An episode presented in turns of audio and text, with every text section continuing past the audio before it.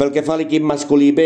ja ho vaig dir la primera jornada en què es van perdre els tres partits que malgrat no sumar cap punt eh, van ser tots molt competits i les sensacions van ser molt bones i així sembla que és perquè la segona jornada es guanyen els tres partits i ara este diumenge passat contra el Falset eh, desplaçament que van guanyar també els tres partits, tres punts més ara mateix estem tercers classificats a la Lliga a només un puntet dels líders este cap de setmana l'equip B no juga i el proper rebran al Riudoms.